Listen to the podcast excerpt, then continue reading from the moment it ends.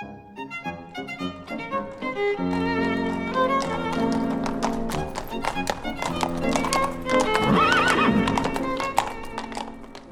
till Hallwylska podden, en podcast som spelas in på Hallwylska museet i Stockholm och där vi utforskar sekelskiftet 1900 i stort och smått med huset på Hamngatan 4 som en språngbräda.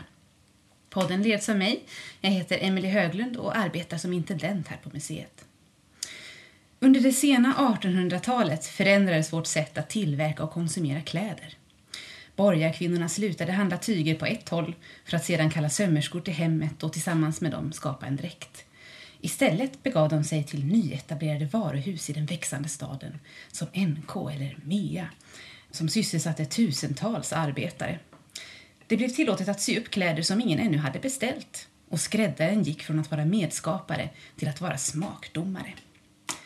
Här ser vi början till den moderna klädindustrin och det är det här skiftet som är ämnet för avsnittet.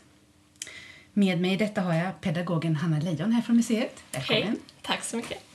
Och Louise Wallenberg som är docent i modevetenskap från Stockholms universitet. Välkommen. Tack.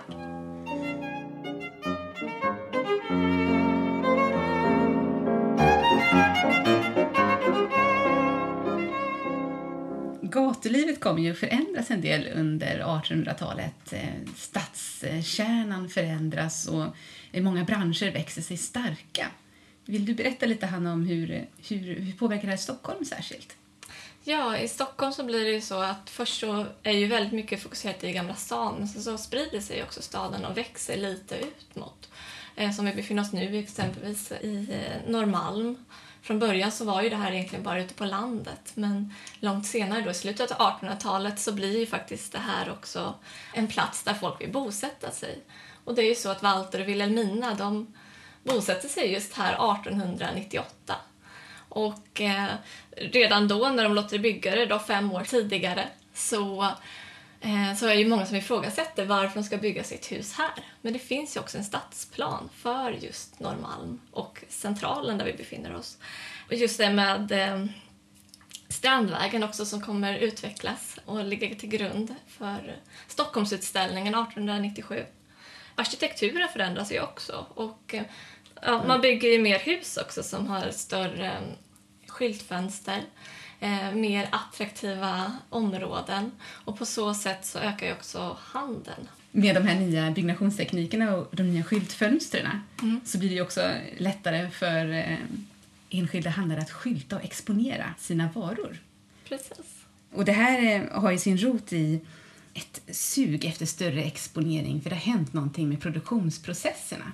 Ja, precis. Eh, I och med det industriella samhället så kan man ju helt enkelt producera mer kläder och på ett snabbare sätt. Vi har ju, eh, under mitten av 1800-talet så lanserades ju också symaskinen. Den slår först inte alls så stort överhuvudtaget. Och inom industrin så är man lite ifrågasättande just till symaskinen. Varför ska vi ha en symaskin som kan göra jobbet? Vad händer då med alla sömmerskor som sitter och syr? Men det blir ju också, i och med att man då kan producera kläder mycket snabbare, så utvecklas ju också mode, modeindustrin.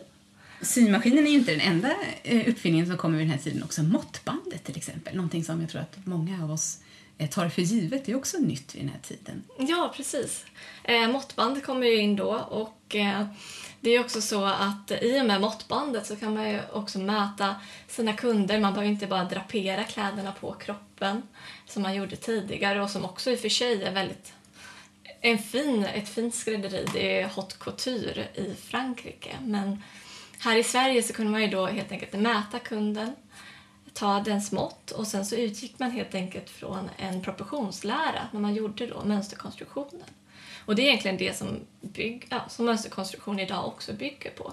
Att man mäter upp kroppen inom proportioner och utifrån då exempelvis din axel till midjan så har du ett mått eh, som ska stämma överens då för, ja, för en man i exempelvis storlek 48 och då för en kvinna i storlek 38. Eh, och det använder vi också idag. Och eh, ja, Det kan ju såklart vara skillnad, man har lite längre mellan längre överkropp och kortare överkropp. Men det är egentligen det som växer fram då under 1800-talet eh, med just proportionsläran som blir väldigt, och vetenskapen där. Men det måste ju ha underlättat arbetet för skräddarna något oerhört att inte behöva ta mått på varje del av kroppen utan man kan, det kan räcka med några, ett fåtal för att sen konstruera en direkt utifrån det. Ja, precis. Och det är väl egentligen det som växer fram också som en början till, eh, till konfektionssömnad.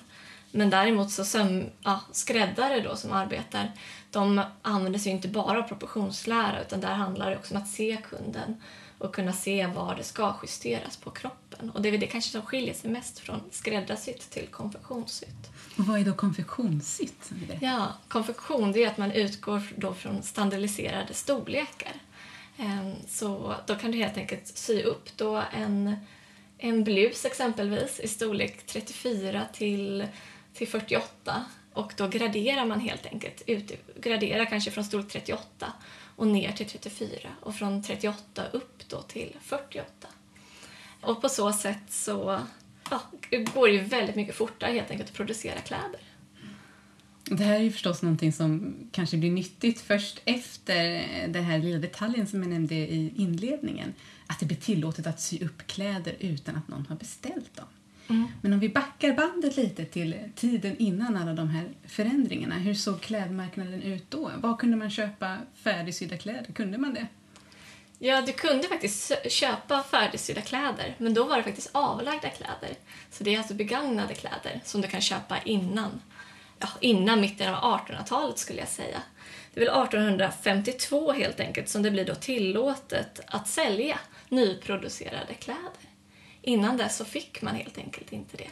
Utan det var väldigt höga böter på att sy upp som skräddare nyproducerade kläder och då helt enkelt eh, sälja dem via bodar och sådär. Så det gjorde man inte. Däremot skomakare fick göra det i ett annat skrå då. Hur kommer det sig att man har den här eh, hårda regleringen? Det är ju så egentligen från medeltiden fram till ja, 1700-talet så är det ju då skråväsendet som, och det ser likadant ut under hela den här tidsperioden, eh, som reglerar hur vi får handla och eh, agera helt enkelt. Och skråväsendet då för skräddare, eh, det regleras ju att du måste vara en mästare för att överhuvudtaget få sy upp kläder till kunder. Och du måste också ha fått en beställning för att sy upp dem, helt enkelt. Men berätta lite kort om det. Hur, hur blir man en, en skräddarmästare? Ja, eh, då är det ju så att som, först så går du som lärling ungefär tre till fem år. Och då ska du helt enkelt gå då som mästare och lära dig förstå eh, hur man konstruerar kläder och helt enkelt följa med väldigt mycket. Och klippa ett tyg får du absolut inte göra utan det är bara mästaren som får göra det. Um, och det gör ungefär 3 till fem år, en lång utbildning. Men inte nog med det, utan sen så blir det också gesäll efter det. Uh, och det är ungefär tre år som du ska gå som lärling då. Eh, och gärna ska du göra eh, tjänst utomlands, internationellt. Eh, du ska också vara hos minst tre olika mästare för att ja, få kunna gå vidare då till att göra ditt mästarprov. Och då avlägger man helt enkelt ett prov som mästare. Och blir du beviljad till det, då får du helt enkelt ett så kallat burskap. Ehm, och det är som en laglig rätt att få sälja och producera kläder helt enkelt. Att få vara skräddare. Och det är bara borgare som får göra det. Så du måste helt enkelt vara inne i den samhällsklassen och du måste egentligen ha gjort hela den här resan. Det är alltså ungefär, ja, om det går bra för dig så är det väl åtta, nu ska vi se, åtta, nio år som du utbilda dig för att kunna bli mästare och ha laglig rätt att få sy upp kläder. Får jag fråga Hanna, det här mm. måste ha varit ett statusyrke? Ja, absolut. Mm. Det är ju absolut ett statusyrke. Det är, mm. det. Um, det är också så att, där ska vi också prata om att det är en viktig sak är att du måste vara man. Um, och kvinnor får absolut inte bli skräddare vid den här tiden. Även om nästan alla kvinnor, i alla fall tillhörande en viss samhällsklass, syr kontinuerligt? Ja, i och för sig. Fram mm. till 1890 så är det faktiskt inte jättevanligt att många kvinnor kan sy. Utan det är i och med intåget av eh, symaskinen och eh, också förändringen i och med eh, skråväsendet som gör att kvinnor lär sig mönsterkonstruktion och lär sig att sy på korrekt sätt, så att säga. På ett skräddarenligt sätt. Eh, så innan dess så kunde kvinnor ägna sig åt linne eh, vad heter det? Ja, linnesömnad kallades det för. Så du sydde underkläder. Det var enkel mönsterkonstruktion och någonting som kvinnor kunde göra. Så att säga. Och endast för hemmabruk eller vad man ska säga, Ja, inte för exakt. försäljning. Inte för försäljning. Utan eh, kvinnan som skräddare kommer ju långt senare. Men ungefär, i och för sig, så är det ju så att kvinnorna i hemmet hos de här mästarna, eh, de lärde sig att sy också. Eh, så det är väl lite, lite tudelat där. Men under 1800-talet så börjar kvinnan snarare sy. Med en enklare sömnad. Det här systemet kommer ju att avskaffas sen. Eh, lite innan varuhusens intåg, tror jag, om jag, om jag minns rätt. Så skråväsendet faller, eh, textilindustrin expanderar och då är, förändras också lite grann möjligheterna för kvinnor att arbeta inom sömnad. Exakt, ja. Det blir ju så att eh, skråväsendet det avsägs ju 1846. Också regleringen där, eh, näringsfrihetsreformen upplöses ju vid samma tid. Och det gör ju helt enkelt att kvinnor kan börja arbeta. Och de kan också börja utbilda sig till skräddare och sömmerskor. Och vi har ju ja, ett väldigt praktexempel i Sverige. Det är ju Augusta Lundin som blir en av våra främsta skräddare helt enkelt. En kvinna som börjar arbeta som skräddare. Och vi har också många i katalogen, kvinnor, just kvinnliga skräddare. Um, och då kallas de ju såklart damskräddare för det är fortfarande en väldigt tydlig uppdelning mellan manligt och kvinnligt. Och det har väl egentligen alltid tyvärr i historien sett som att män är skräddare och kvinnor är sömmerskor. Men så är det ju inte riktigt utan en kvinna kan skaffa sig en skräddarutbildning och bli kvinnlig skräddare då, som det heter, eller damskräddare. Ja, när man säger damskräddare, menar man då en kvinnlig skräddare eller en skräddare som syr för damer? Man menar ju faktiskt som du säger, man menar ju en, en skräddare som syr för damer, menar man. Men däremot så var det väldigt vanligt att just alla damkläder sys helt enkelt av kvinnor. Eh, under hela 1800-talet så var det främst damer som sydde eh, för kvinnorna kvinnlig dräkt. Innan dess, 1700-tal och tidigare, då var det ju som sagt männen. Ehm, och men det har väl kanske också lite att göra med borgerligheten och det här med att kroppen och att man ska skyla sig och att eh, det kanske inte skulle vara propert eller rätt nog att en man kliver in och tar mått på dig som kvinna. Kanske inte heller ja, accepterat rent av under den här tiden. För det är ju en tid där man, ja, man ska ju skyla kroppen och du ska väl inte ens veta att du har en kropp i princip under viktorianska eran. Precis. Pratar du inte om den så finns den inte, eller hur?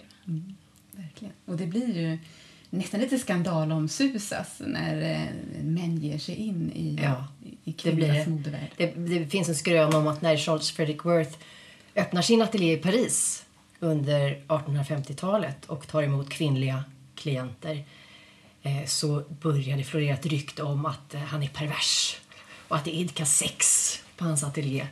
Eh, just därför att han är man som syr för kvinnor. Det var förbjudet, mer eller mindre. Moraliskt förbjudet. Eh, men det här hindrar inte från att överklassens kvinnor ändå såklart köar för att få kläder uppsydda av Worth. Han är ju liksom det största och det bästa och det finaste just då. Sen finns ju också kopplingen mellan Worth och Augusta Lundin i Stockholm. Mm, precis. Eh, så att där fanns det ju en kollaboration också. Så att hon hämtade ju väldigt mycket av sin inspiration och köpte modeller från Paris och från Worth. Och de var ju delvis lierade via svenske eh, Otto Boberg, eller hur? Mm.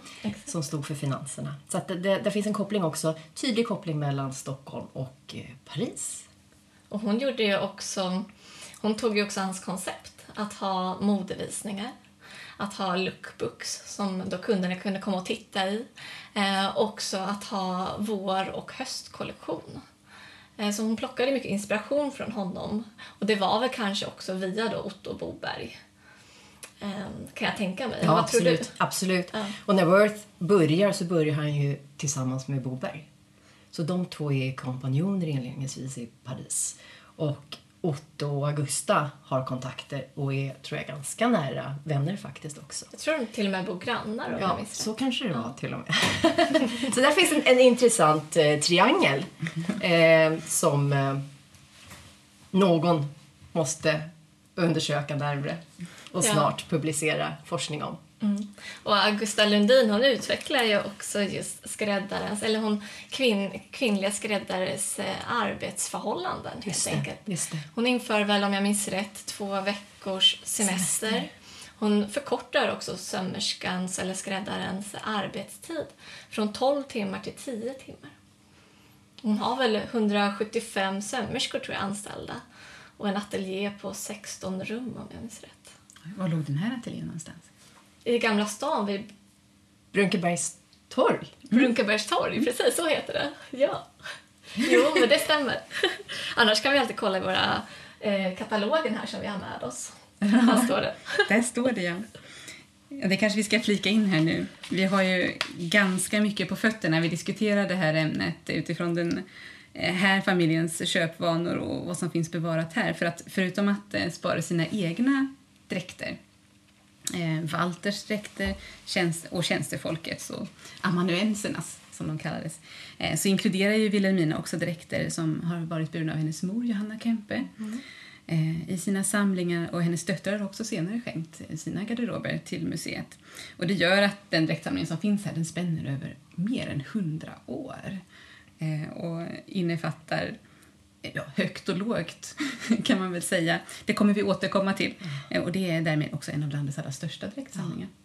Eh, Och såklart så är den så där noga dokumenterat som allting är här i huset och som jag tror att lyssnarna är bekanta med nu i det stora katalogverket. Så där kan man ju se en del etiketter av bland annat Augusta Lundin. Mm, absolut.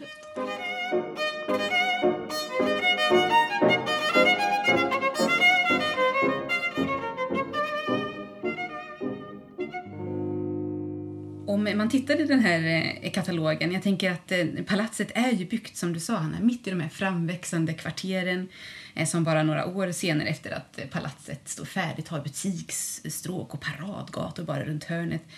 Kan man se en förändring av köpvanorna hos familjen? Vad handlar de någonstans?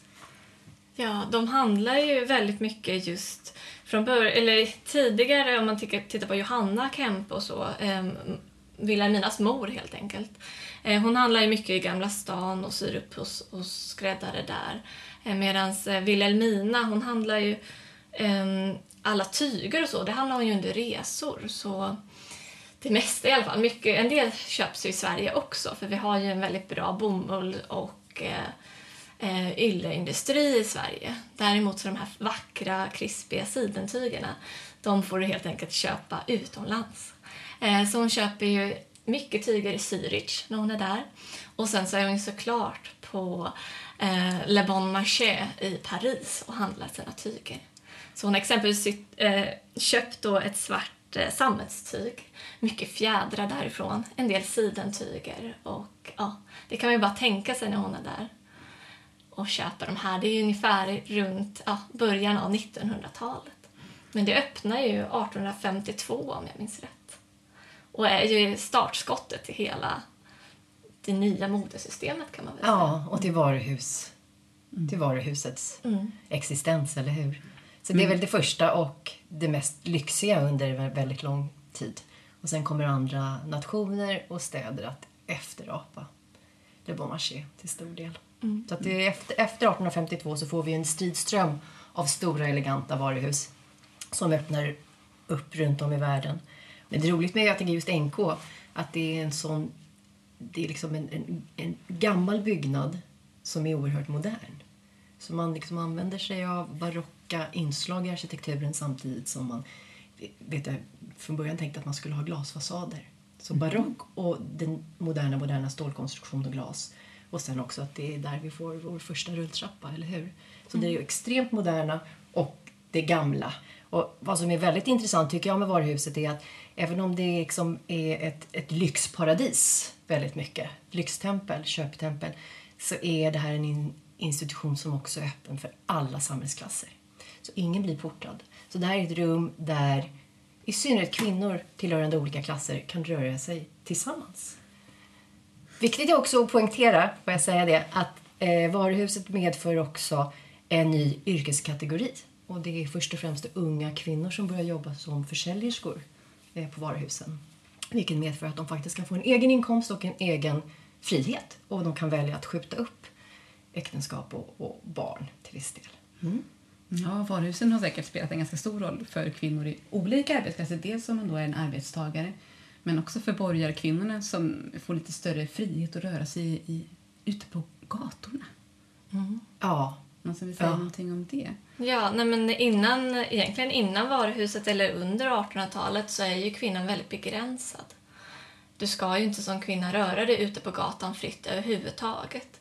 Och det är väl därför kanske som Ja, men Wilhelmina de skaffade ju automobilen 1908. Det är kanske är därför hon åker väldigt mycket automobil. Eh, det kan ju också vara därför som hon just skaffar sig sin... Eller alla kvinnor vid den här borgarklassen har ju såklart en sällskapsdam. Men det kan ju också vara en anledning till att kunna röra sig fritt på gatan med en annan kvinna. För en Man kvinna måste- får inte röra sig själv helt enkelt ute på gatan. Utan kan då bli ja, betraktad som att eh, hålla på med några fuffelsaffärer eller vara rent av, som man kallade det, prostituerad.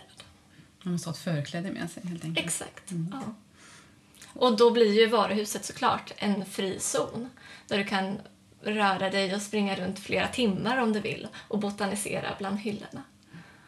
Istället för att då eh, handla eh, tygerna på ett håll och sen bjuda in skräddaren i ditt hem och sådär. Jag tänker vi ska glida över lite grann till det här också med hur skräddarens roll ändras lite då. För att eh, när du berättade om Wilhelminas inköp på Bon Marché då har hon nu sen tillsammans med en skräddare kommit fram till hur det här ska sys upp. Ja, precis. Så var det ju först var det ju eh, ofta så att man, du som kund du köper ju tyger och material på ett håll och sen går du ju vidare då till skräddaren och syr upp det du vill ha. Och ofta så är det ju så, eh, under 1800-talet så kommer ju också intåget av modetidningar. Vi har ju också, det kommer en del mönster och så vidare. Och det gör ju också att eh, ja, du som kund, du kanske tar med dig din lilla bild från modetidningen, går till skräddaren och sen så ber man att få uppsytt en likadan klänning.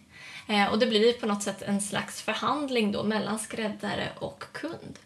För kunden vill ha en sak och skräddaren kanske har en viss, eller har ju såklart, en viss kunskap inom hur det ska se ut och, och tillskäras och vad som är bra för just den kundens kropp.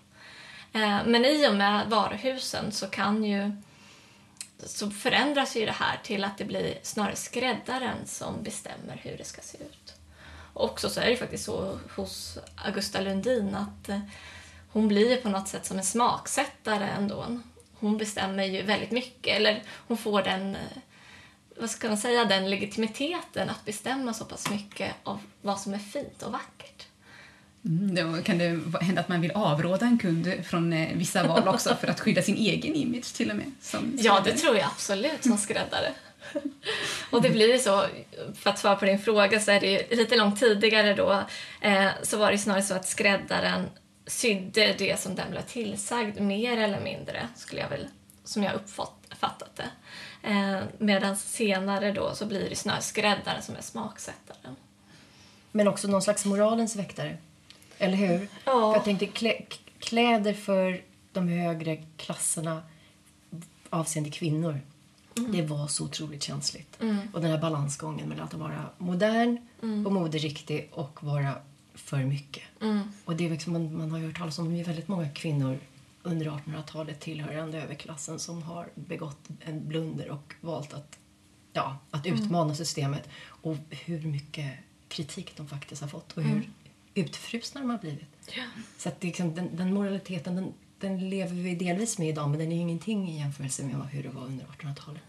Balansgången är så fin, eller hur? Ja. Och kan den drabba skräddaren då i andra hand, tänker jag? Ifall man bär en dräkt som har varit lite för utmanande och alla vet vem som har sytt upp den. Säkert. Kan man tappa sin Säkert. kundkrets? Men det är också en risk som skräddaren kan ta. Jag tänker Worth till exempel, när han väljer sina modeller som också tillhör det övre lagret. Det handlar ju om att de ska visa upp sig och att de ska bryta ny mark för ett nytt mode. Eller en ny look, eller hur? Men det är en jättefin balansgång och jag tror inte att han råkade illa ut då. Men, Nej, men då kan det ju så vara att han bestämmer ju faktiskt modellerna Ja, själv. Han ja. har ju en vår och en vinterkollektion. Och på så sätt kommer han väl kanske undan det. För då har han ju bestämt Ja. vilket som ska vara det rådande modet och att det är då anpassat efter hur en kvinna i samhället ska vara klädd för att bli accepterad och inte kliva över en gräns. Samtidigt var det väldigt spektakulärt mode, eller hur? Mm, det kanske skulle låta tala om sig lite grann också. Ja, precis. Det ska synas Det och det ska omtalas. Om, om vi hoppar lite till det här med manlig och kvinnlig konsumtion eh, av kläder så, eh, så fortsätter ju männen i hög grad att gå till skräddare medan kvinnorna söker sig till varuhusen. Mm. Ehm, det tänker jag kanske att det kan vara med att varuhusen blir ju på något sätt kvinnornas palats eller damernas eh, paradis som det kallas i litteraturen. Och ett rum för damer främst i alla fall. Sen är det ju såklart, det finns ju en herrekipering också, så herrarna går ju också dit. Men eh, jag tänker att att det blir en slags gentle, gentleman-grej att gå till skräddaren. Att det är något slags iscensättande av din, din persona på något sätt. Eller jag vet inte, att det... Att, vad tänker ni? Ja, man är en sån som går till skräddaren. Fanns en statusskillnad däremellan skräddarsytt och konfektion? Jag, jag tror att det handlar väldigt mycket om att mäns mode det kommer att bli mer statiskt under 1800-talet. Och att det är den manliga uniformen som gäller för män oberoende av samhällsklass. Och, och den kostymen, eller uniformen, mansuniformen, den förändras väldigt, väldigt lite. Medan kvinnors mode, i takt med att textilindustrin blossar upp och vi får en snabbare produktion, blir mycket mer förändligt. Och då är det lättare, enklare, snabbare och kanske billigare att gå att konsumera sina modeprodukter på varuhuset för kvinnor. Så det är det här statiska för männens mode och det är det föränderliga för kvinnors mode. Och det har kommit att förändras lite grann under, under vår, vår egen eh, era. Eh, men det är fortfarande så, tänker jag, att männens mode är mycket mer statiskt. Kvinnors är mycket mer flexibelt och föränderligt och väldigt mångsidigt. Man kunde ju tänka sig att det kanske kunde vara lättare att sy upp manskläder då med den bakgrunden på ett sätt som Ja, konfektionsplagg. Absolut, ja. Visst. Men det kanske å andra sidan finns någonting att vinna på att det, att det är Ja. väldigt välsittande. Ja. Ja, det ska hålla och sitta länge, eller hur? Sen hade väl ändå varuhusen också en form av ett, ett skrädderi. Vi har ju NKs franska. Ja. Det är ju skräddarsytt men det kanske finns en liten ja, hint till att det blir konfektion ändå. Ja. eh, För att det är fasta modeller. Ja, precis. Ehm, Men det är väl fortfarande idag, tänker jag, att... Jag vet inte, men jag har jobbat länge inom bröllopsbranschen och då får man höra att eh, mannen kan absolut gå och köpa sig en skräddarsydd eh, kostym för väldigt mycket pengar. Du investerar verkligen i något när du går och köper en, en skräddarsydd eh, kostym. Medan en kvinna har ju fått det här eh, köp och, och släng mentaliteten. Eller vi har liksom börjat, börjat mer köpa och, och konsumera fort och snabbt. Medan männen investerar mer i en, en kostym. En Jag kostym kan ju användas i många fler sammanhang förstås. Ja. Man behöver inte veta att det var bröllopskostym. Precis. Svårare att, svårare Nej, att det gå där- på kafferep i... i, i Det Det är jag därför förordar jag bröllopsklänningar gjorda av toalettpapper. De ska användas en gång, Ja. eller hur? precis båda två.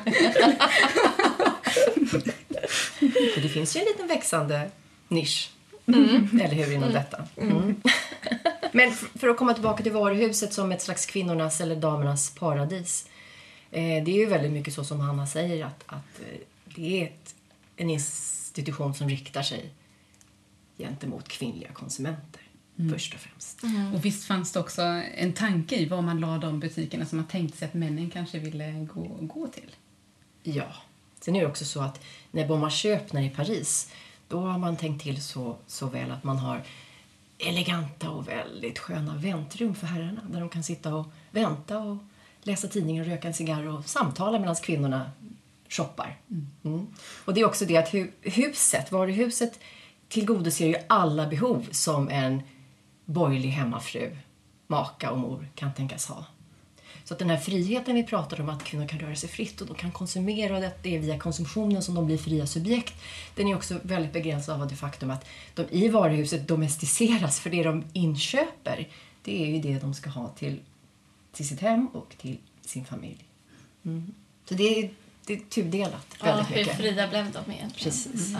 Fria konsumenter, Ja. kanske. Ja. Ja. Och blomsterhandeln på NK eh, ända fram tills nyligen alltid legat vid entrén. Ja. Så man kan göra en Ja. snabb inhopp som Ja. man och Ja. sen ut igen Ja. utan att sugas in i kvinnornas värld. Får jag nämna, och den här har jag säkert föreläst för Hanna om för länge sedan. Men det finns en lång reklamfilm producerad för pub som kom 1920 som heter Herr och fru Stockholm. Eh, som handlar om en familj som beger sig till pub för att köpa eh, eller ekipera sig inför en längre resa. Jag tror den här filmen är 40 minuter totalt. Och då får man följa det här paret med deras två små barn genom de olika sektionerna på varuhuset. Där det är kvinnan, inte mannen, som är den ledande och som dominerar och som gör alla inköp. Både vad gäller kläder till honom, kläder till sig själv och kläder till barnen. Och den här filmen visade man i pubs skyltfönster. Så att konsumenterna kunde stå utanför varuhuset och få en överblick över vad som fanns inne på, på varuhuset. Mycket slagfärdigt, eller hur? Bra reklam där. Bra reklam! Mm. Och den här filmen är också den i vilken Greta Gustafsson dyker upp för, jag tror första gången, på duken. Mm. Som mannekäng på dam, damavdelningen. Och den finns tillgänglig på filmarkivet.se. Så den rekommenderar jag varmt.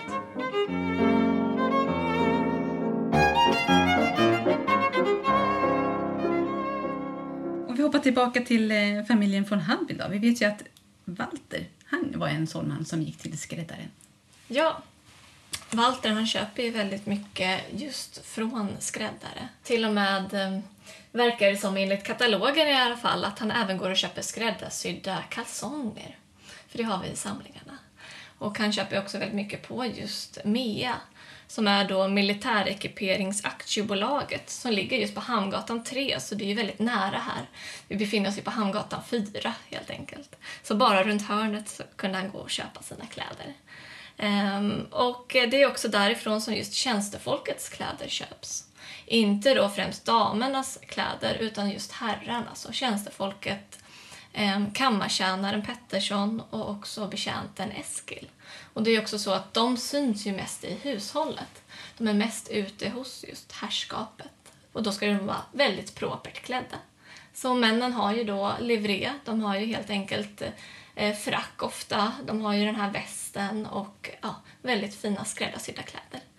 Eh, så både Walters kläder köps väldigt mycket därifrån och också då tjänstefolkets.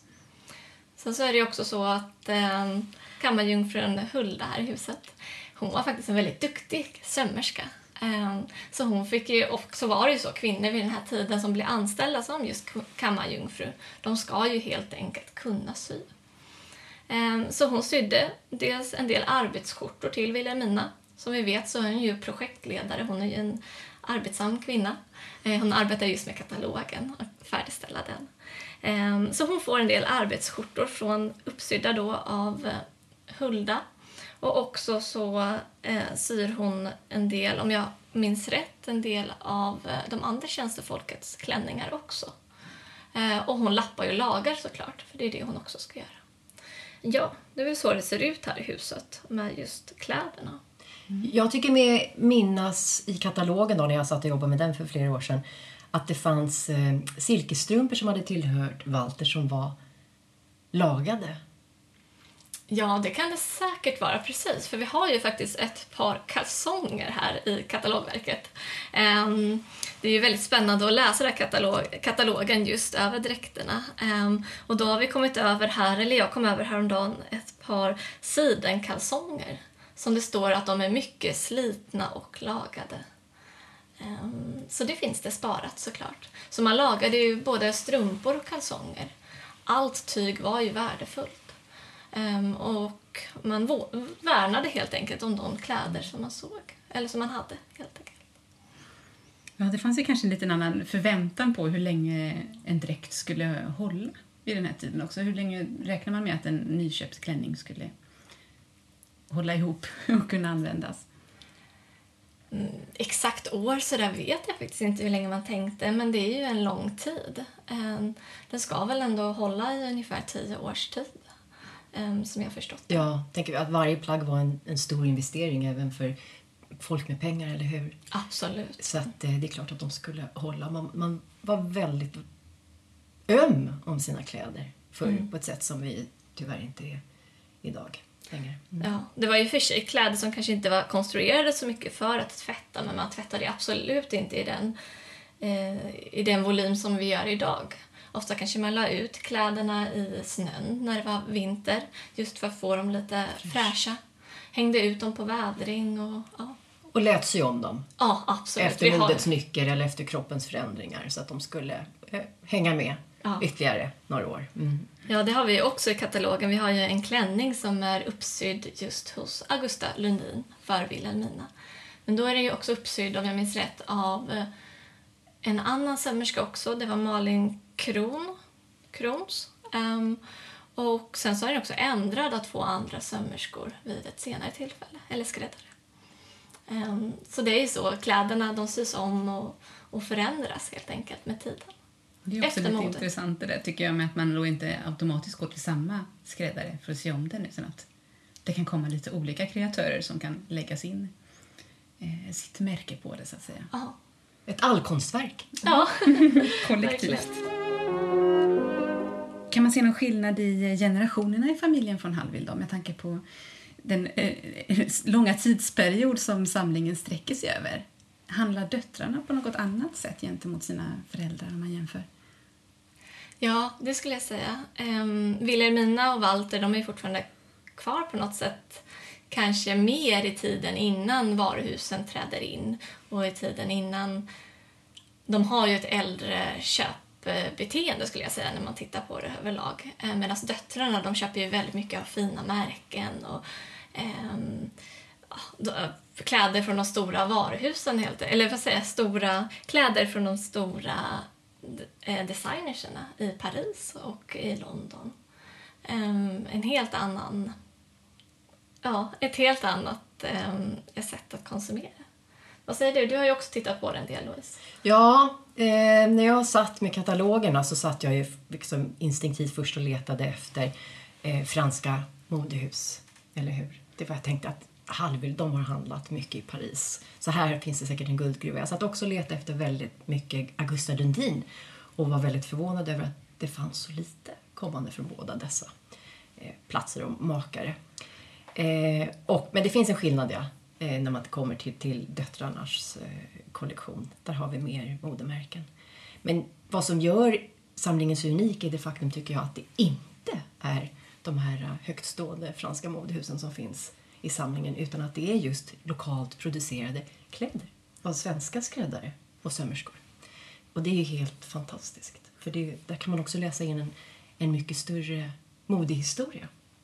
En lokal modehistoria. Än vad man hade kunnat göra om allting kom från Paris eller London till exempel. Just det, också med tanke på märkena där faktiskt. Det ska man ändå lyfta ett finger för Wilhelmina, eller en flagga. Eh, hon köper ju, nu ska vi se, 1926 så går hon just till Mea och så köper hon en Burberry re- regnjacka. Ehm, och, Och då det, har Burberry, Burberry regnkappor existerat hur länge? Inte särskilt, eller? Oj, när grundas de? Är det mitten av 1800-talet som Burberry grundas? Men regnjackan... eh, Den till, började tillverkas under första världskriget, eller hur? För att hålla Ja. soldaterna torra ute vid vallgravarna eller i skyttegravarna. precis så är Så det. att det är en, en modern konstruktion och uppfinning. Och det är fantastiskt att tänka sig då att Wilhelmina som till, till åren kommen 1926 är så praktisk så att hon låter sy upp en, en regnkappa för att klara av Stockholms regniga höstar. Men hon är ju över 80 år då. Ja, och hon, det är ju också så att eh, hon åker ju inte till London och köper den här inte. Eh, utan hon köper den ju på då Mea och då är den ju uppsydd då av skräddarna på Mea. Eh, så de har ju, Berber har ju då sålt licensen till eh, Mea eh, för den här regnjackan. Och det var ju väldigt, började bli vanligt under slutet av 1800-talet, början 1900-talet att de här större modemärkena helt enkelt säljer då sina licenser till andra, ja, till skräddare runt om i Europa. Eh, På så sätt får de ju en bredare spridning och kunden kan ju själv gå då och få en måttuppsydd eh, direkt eller då regnjacka i det här fallet. mm, från de här stora modehusen och behöver då inte åka utomlands för att göra det. Utan de får senaste modet från London och Paris direkt hem på Stockholms gator. Fantastiskt. Ja, Och den här regnkappan finns kvar i arkivet? Ja, ja allt finns Allt finns, ja. Ja. Den är värd att undersöka. Absolut. Mm.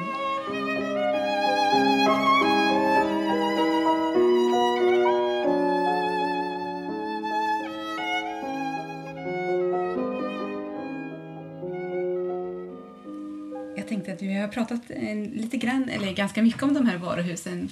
Men det finns ju också beskrivet i samtida press. Vill ni bjuda på något citat som kan ge oss en känsla för hur det var att faktiskt besöka dem där och då? Ja, det gör vi gärna. Vi ska se. Jag har här från Idun 1915. Och det är helt enkelt då när eh, NK, då, Nordiska kompaniet, flyttar från Stureplan där de etablerade sig 1902 eh, till då Hamngatan helt enkelt, som bara är ja, några stenkast härifrån. Och då skriver då de i Idun i en artikel som heter Där allting finns och ingenting fattas. Då står det skrivet så här. Eh, den 20 september avslöjas hemligheten om kompaniet för pressens representanter som på aftonen genomvandrar etablissemanget från källare till vind. Dagen därpå var invigningen då det nya huset besågs av konungen och de kungliga damerna samt av omkring 4 000 trogna kunder och vänner. Och så kom följande dag, den stund då portarna öppnades för allmänheten och alla de hopade skatterna blev till salu. Rusningen var då oerhörd. Man hade läst i tidningarna att det var tillåtet att komma och studera och titta. Och därav begagnade sig framför allt alla lediga damer, dessa som varken tyckte så eller skörda, men som kunde samla i ladorna ändå. Ja. Jag har också en uppgift på att man i, i Idun 1898 eh, omtalar eh, ja, KM Lundbergs varuhus som låg vid Stureplan 3 som sedermera ju blir NK tillsammans med Leia. Och att man omtalade då det här paradiset just som damernas paradis i klar referens till Solas roman. Mm. Så att det, det skrevs väldigt mycket också om varuhusen i, i, i pressen. Ja, det gjorde det verkligen. Och här är väl också en rolig detalj, eller som lägga märke till då i den här artikeln. Det är just att det öppnades framför allt då för lediga damer och de som varken kunde så eller skörda. Eller de som varken tyckte så eller skörda. Ehm, men hade samlat i ladorna ändå. Alltså de kvinnor med kapital som inte behövde arbeta. Det var de som varuhuset främst öppnades för. Men alla hade tillgång att eh, gå dit och titta om man, om man så ville. Och det blev lite som en njutningsupplevelse nästan, de här institutionerna. Absolut. Det är ju, ja, produkter. Åtråvärda produkter som radas upp. Eller hur? Som de flesta bara kan drömma om, vissa kan konsumera. Och där finns också en, en tydlig koppling mellan varuhuset och i synnerhet skyltfönstret i varuhuset som visar upp vad varuhuset har att erbjuda och filmduken som är en annan typ av skyltfönster som också visar upp i alla fall eh, om vi pratar Hollywoodfilm men även svensk film under senare delen av 1910-talet och under 20-talet visar upp en, en väldigt extravagant överklassvärld. Mm. Men där kan man ju också fråga sig, det ställer jag mig också lite tveksam till, eh, att alla är välkomna. Och det är ju så som både eh, ja, Bon Marché i Paris och, eh, och NK här i Stockholm, det är deras marknadsföring att alla är välkomna. Men där kan man ju fråga sig, är alla verkligen välkomna? Och är det lika trevligt och inbjudande för alla? Ja, exakt. Jag tänker också att det är under, under en ganska tidig era i varuhusets historia som varuhusdetektiven kommer till stånd. Och Oj, varuhusdetektiven är på plats för att hålla koll på just de gäster som kanske inte handlar. Det finns ju liksom en, en författad uppfattning eller mening om att, att eh, arbetarklassens kvinnor är mer benägna att, att stjäla. Mm, så det är de som övervakas. Sen har ju historien visat att eh, det kanske först och främst var överklassens kvinnor som som eh, snattade på varuhusen och fortsätter att göra så.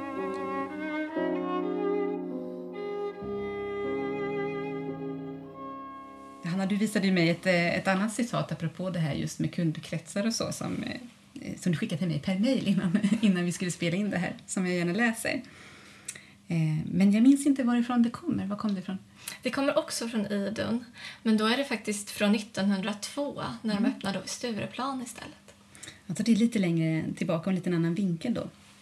Och då står det.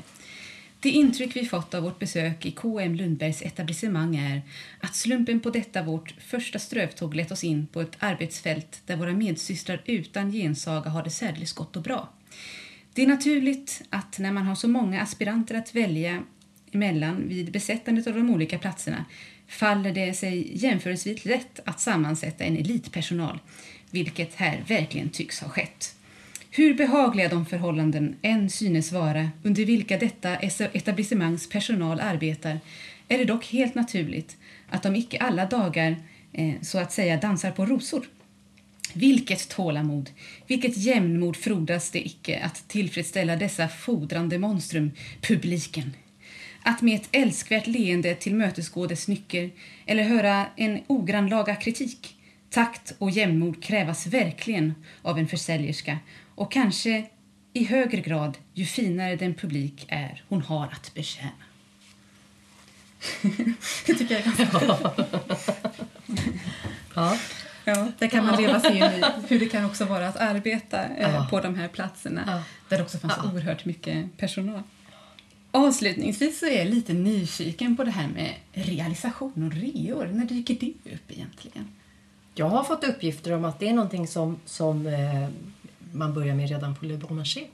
Att man tänker sig framåt att man ska ha fasta reaperioder. Så det är alltså 1850-tal.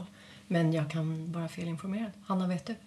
Jag tror det stämmer faktiskt, att det är just runt 1850-talet eh, där. Så. Mm.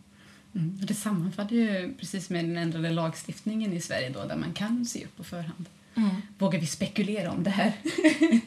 eh, tror ni att man syr upp lite extra för att ha något att rea ut eller är det verkligen så att reorna är det som liksom inte har blivit sålt som jag tror inledningsvis att det är, det är senare faktiskt. Mm. Men att det ganska snabbt sen kommer att visa sig att reorna blir så pass populära så då måste man bunkra upp lite grann extra, eller hur? För att ha någonting att, att erbjuda och för att få klienterna att komma tillbaka.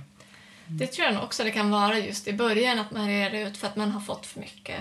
Men sen som du säger, för att det blir en en marknadsförings... Ja. Eh, ja, ett sätt att marknadsföra sig och få mer kunder helt enkelt. Medan idag är vi nog tillbaka igen skulle jag säga på att vi faktiskt rear ut för att det sys upp alldeles för mycket kläder och alldeles för mycket trender som inte ens säljer. Så, mm. Mm. Mm. Vi får se vart lagstiftningen tar modebranschen i framtiden helt enkelt. Vi kan se eh, utifrån det här avsnittet och det vi har talat om hur en ändring kan ge ganska stora svallvågor på en industri. Enorma. Enorma. Och med det så tror jag att vi rundar av för den här gången. Eh, tack så mycket för att eh, ni kom hit, både Hanna och Louise, och för att ni delar med er av ert kunnande i det här ämnet. Och tack också till alla er som har lyssnat till oss. Och tack till dig, Emelie. Ja, tack.